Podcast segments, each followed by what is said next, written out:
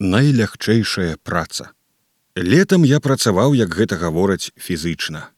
Працаваць прыходзілася цяжка. Жыў жа кутам у аднаго гаспадара на канцы места. Гэты гаспадар наймаў для сябе досыць такі вялікую кватэру.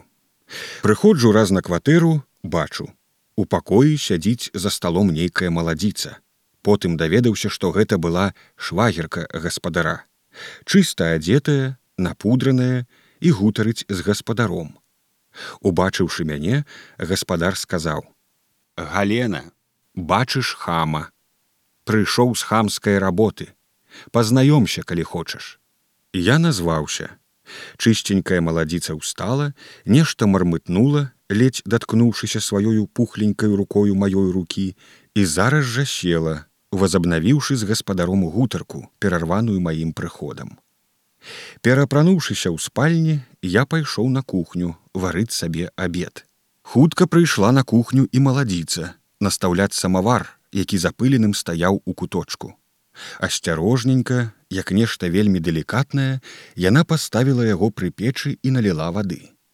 Так жа асцярожненька двума пальцамі, вялікім і паказальным, накідала ў самавар вуглёў.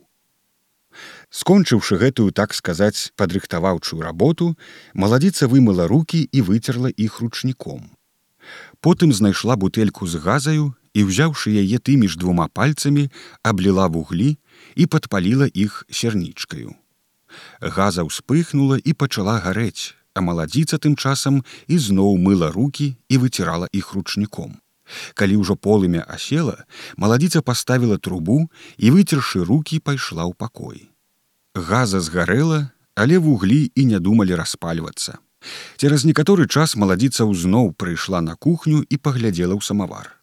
Не гарыць. Знайшла нейкіх шчэпачак і лучынак, запаліла і, утыркнуўшы іх у самавар, вымыла і выцерла руки. Адыходзячы звярнулася да мяне.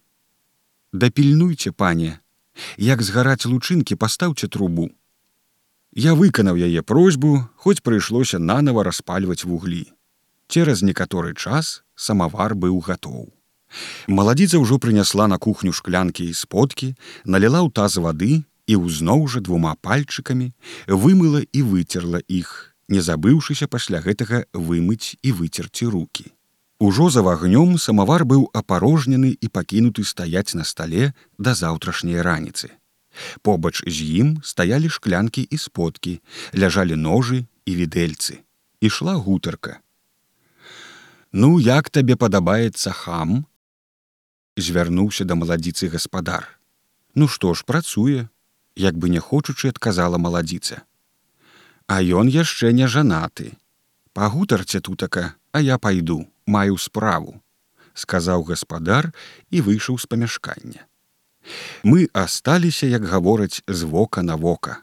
Спачатку ў нас гутарка не клеілася, але потым наладзілася, калі перайшлі на агульную ўсім людзям тэму ў сучасны момент жыццё і працу.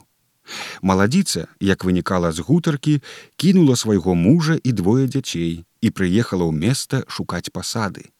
Яна вельмі абуралася на ўстановы і людзей, што не знайшла працы, якую б яна магла рабіць.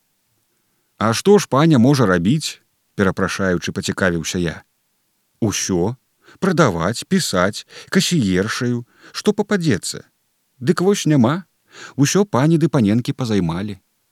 Але нам астаецца толькі хамская праца, спагадліва заўважыў я.